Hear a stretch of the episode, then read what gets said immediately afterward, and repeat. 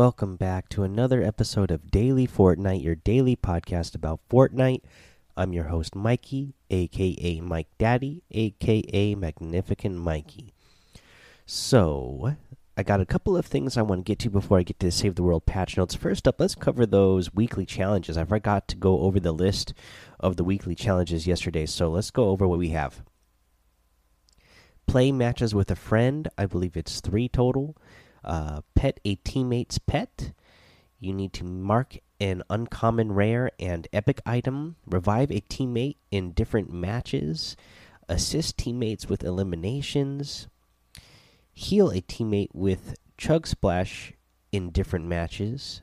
Deal combined damage with your squad or duo. So, a lot of challenges this week, uh, you know, revolving around doing duos or squads or trio type of tournaments or game modes. Uh, let's see here. What else? Uh, let's cover what we have for prestige for this. Finish top 20 with a friend. Use a launch pad in squads or duos. Mark a chest, a shield item, and healing item in a single match. Reboot a teammate. Assist teammates with eliminations in a single match heal a teammate with a cozy campfire in different matches, and deal combined damage with your squad or duo in a single match. And remember, once you get those normal challenges done, to go into that challenge tab setting and uh, you know select that you want prestige. That way, you can start getting those challenges done once you uh, you know finish the normal challenges. Uh, let's see here. Uh, also, the bandolier was the item that returned or that is returning to the item shop. Uh, that was what was voted on by the community. So good choice there. Mention that real quick just because it came up on my screen as a reminder. So uh, yeah, I'll mention that. The other thing I want to get to though is the last call Fortnite Championship Series update. Uh, last week to qualify for the Fortnite Championship Series Season 10 Finals. Uh, this upcoming weekend is the last opportunity for players to qualify for the Fortnite Champion Series finals. Qualifying can be done in one of two ways. Weekend's top teams. The first way to qualify is to be one of the top performing teams for this weekend. In order to be eligible, all players must have reached Champion League in Arena during Season 10, then compete in your region's qualifier this weekend. Uh, the top four or eight teams, depending on region size, will earn an automatic qualification into the heats. Fortnite Championship Series points. The second way is by earning a spot through consistency in all qualifier weekends. This is determined by the amount of Fortnite Championship Series points your team has earned. This weekend is your last chance to earn these points to push your trio into one of these spots. Drop in this weekend for the last chance to try and earn your team's place. The finals will begin on Friday, September 20th, with the top teams in every region battling it out for their chance to be crowned the first ever season champions. Zip lines are disabled, uh, so uh, you know we've mentioned that before, so we'll get on to that. But here's here's something new here: qualified players, team trading, and disbanding rules. As we head into final qualifying week of the Fortnite Championship Series we've been seeing an increase in question from qualified players about how to swap teammates or create a new trio team. So here's an overview of how forming a new trio and swapping players work. And uh, you know they they list a couple of the rules here. You know that's like reading out the legal. So we'll just get into the explanation. This means that all qualified players are locked into a trio unless they wish to disband their team. Disbanding a qualified team would require for all three players to each send an email unanimously agreeing to this. Players must email tournaments at epicgames.com with the subject line FNCS disband from the email associated with their Epic Games account to complete this action. Additionally, qualified teams have the ability to perform a one time trade with other qualified teams per Rule 4.27. So, um, again, if you qualify with the team, that is the team that you are going with. You know, the only other thing you could do is disband your team, or as they say here, you could trade, and this is a 4.27. We're not going to read all the little details for the rule, but here's what they what they basically mean with the rule that they're talking about. This means that if two teams who have already qualified would like to exchange a player, they must have all six players send separate emails to tournament at epicgames.com with the details of the trade. Please use the subject line FNCS trade for this type of communication. If these actions are performed, then the one time trade will be approved. You can find all the rules for the FNCS here. Players who have not already qualified may freely swap team members without contacting Epic for approval. Um, However, each new set of three players is classified as its own unique team, and points from a different set of three players will not carry over. We look forward to seeing all the amazing moments, comebacks, and stories that are created in this weekend's final chance to qualify for the Fortnite Championship Series finals. Dive into the action and compete for your team spot. For up to the date information on all things competitive, follow us on Twitter at uh, FN Competitive. Now, this is something we've seen here throughout this season. Uh, you know, teams breaking up and starting new teams. But yeah, they're talking about something totally. You know, I, I feel like it sh it should be. It should be something that players are able to get past. I mean, for whatever reason, if you went into a tournament and qualified with that team, uh, you know, the season total is what 10 weeks long? And the championship series is not even going that long because it's trios. So you fill up the bracket really fast with who qualifies every week. Uh, so i don't think that's i mean good news for the competitive scene. If players cannot even get along for a few weeks to play with each other and just get past whatever differences they have to uh, play together. Especially if you've already qualified, that should have been something that you figured out, you know, before you decided to try to qualify with that team. If you wanted to really be playing with those players, so yeah, I think this is really weird. This is how this works out. I mean, it's actually really cool of Epic to go ahead and let these players, you know, make trades like that or decide to disband their team and create new teams out of those players, uh, just because I think that's really weird. I mean, it's not like you would, you know, you know, you're some of you are doing fantasy football with me this year, and a lot of you are football fans in general. And you know, it's not like look at the Miami Dolphins; they're going to be the worst team in the NFL this year. They can't just decide, oh well, we want to disband our team and uh, we don't want to play, and uh, you know, you just put us put us somewhere else and put us on to new team. Now I know I heard a lot of Miami Dolphins players want out of there because they're so bad. Uh, I get it, but I mean, I think it's even worse for these Fortnite players doing this because they chose who they got to play with. You know, for in the NFL, you're trying out, and uh, you know they're still they're still playing through the season together because they have to. I mean, I don't know. I just think it's really weird that these kids can't get along for just a couple of weeks or get past whatever it is that they need to get past for a couple of weeks uh, so that they can play in a tournament and win, you know, tens of thousands, hundreds of thousands, or millions of dollars. You know, I mean, it's just kind of insane to me. Uh, and, you know, these are the same pro com community that will complain about something that changes in the game that they don't like but you know when when you see stuff like this and you hear about the teams that are trying to break up or want to make trades it makes you think well how much credibility do some of these guys have i mean they obviously don't have the maturity to you know you know stick together for a couple of weeks so why would i listen to what they have to say about what should or shouldn't be in the game.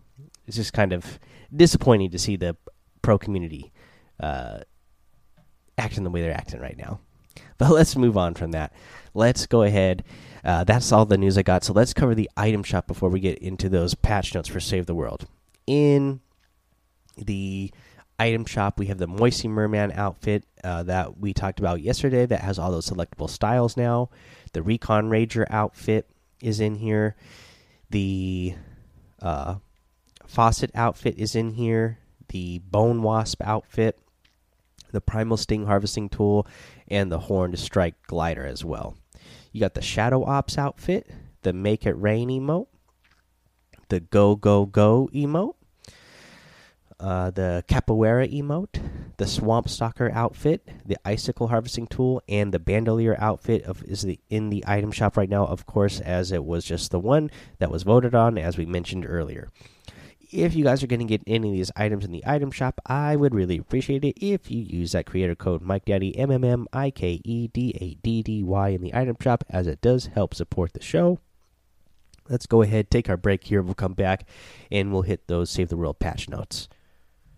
All right, let's get into these Save the World patch notes. What's new? Penny hits the road, part two. This week, help Penny make her way to the radio station in this Edge of Your Seat sequel, where things get a little bit weird.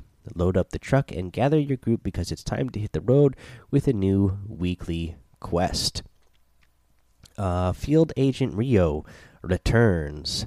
Get ready to load up the phase cannon and phase blast the husks Field Agent Rio returns to the event store.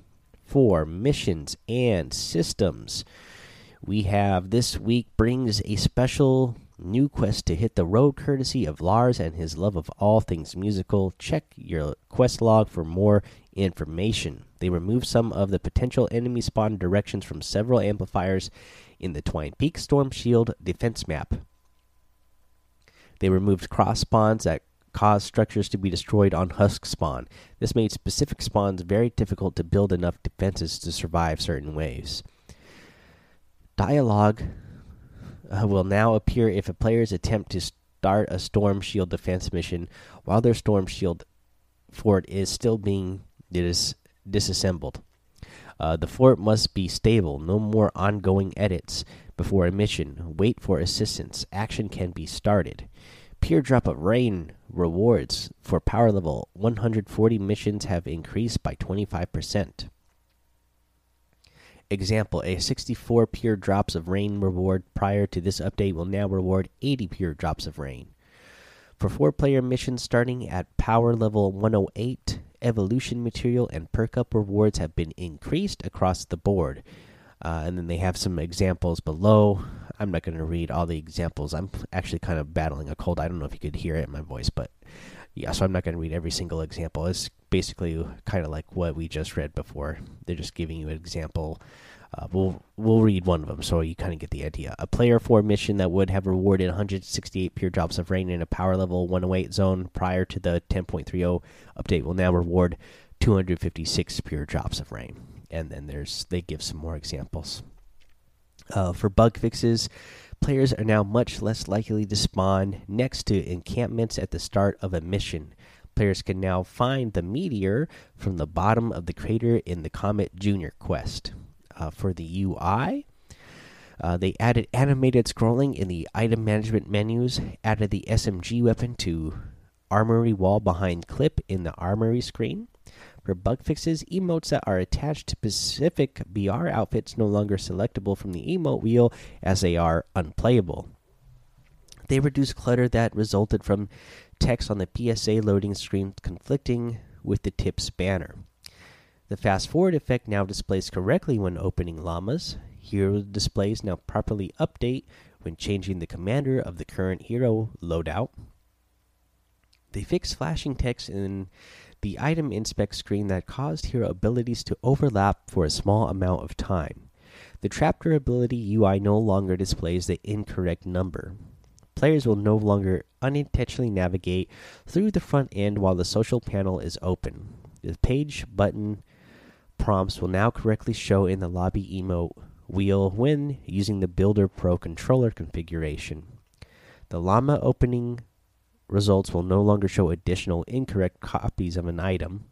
The UI in resupply missions now displays correctly after completing all primary objectives, and they corrected grammatical errors in the expeditions text. For heroes, uh, they have the field agent Rio shifts back in the event store. Uh, I'm just going to go over the heroes. Uh, available in the event store starting September 11th at 8 p.m. Eastern, so it's in there now, as well as We have the Ragnarok slams back into action, and it is available from completing the limited edition quest. The Bladestorm Enforcer flips back into battle, uh, available from completing the limited edition quest. And bug fixes they fix a typo in the Breakbeat Wildcats description. Base's placement animation can no longer be skipped by switching weapons. Fixed constructor animations while in the lobby. Mantis Leap correctly deals damage after using a leap attack while the Leaping Ninja Storm modifier is active.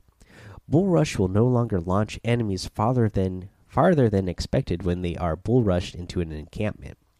Ragnarok, Thunder Thora, and Field Agent Rio will now take up inventory space. Rosie can no longer be placed on an encampment.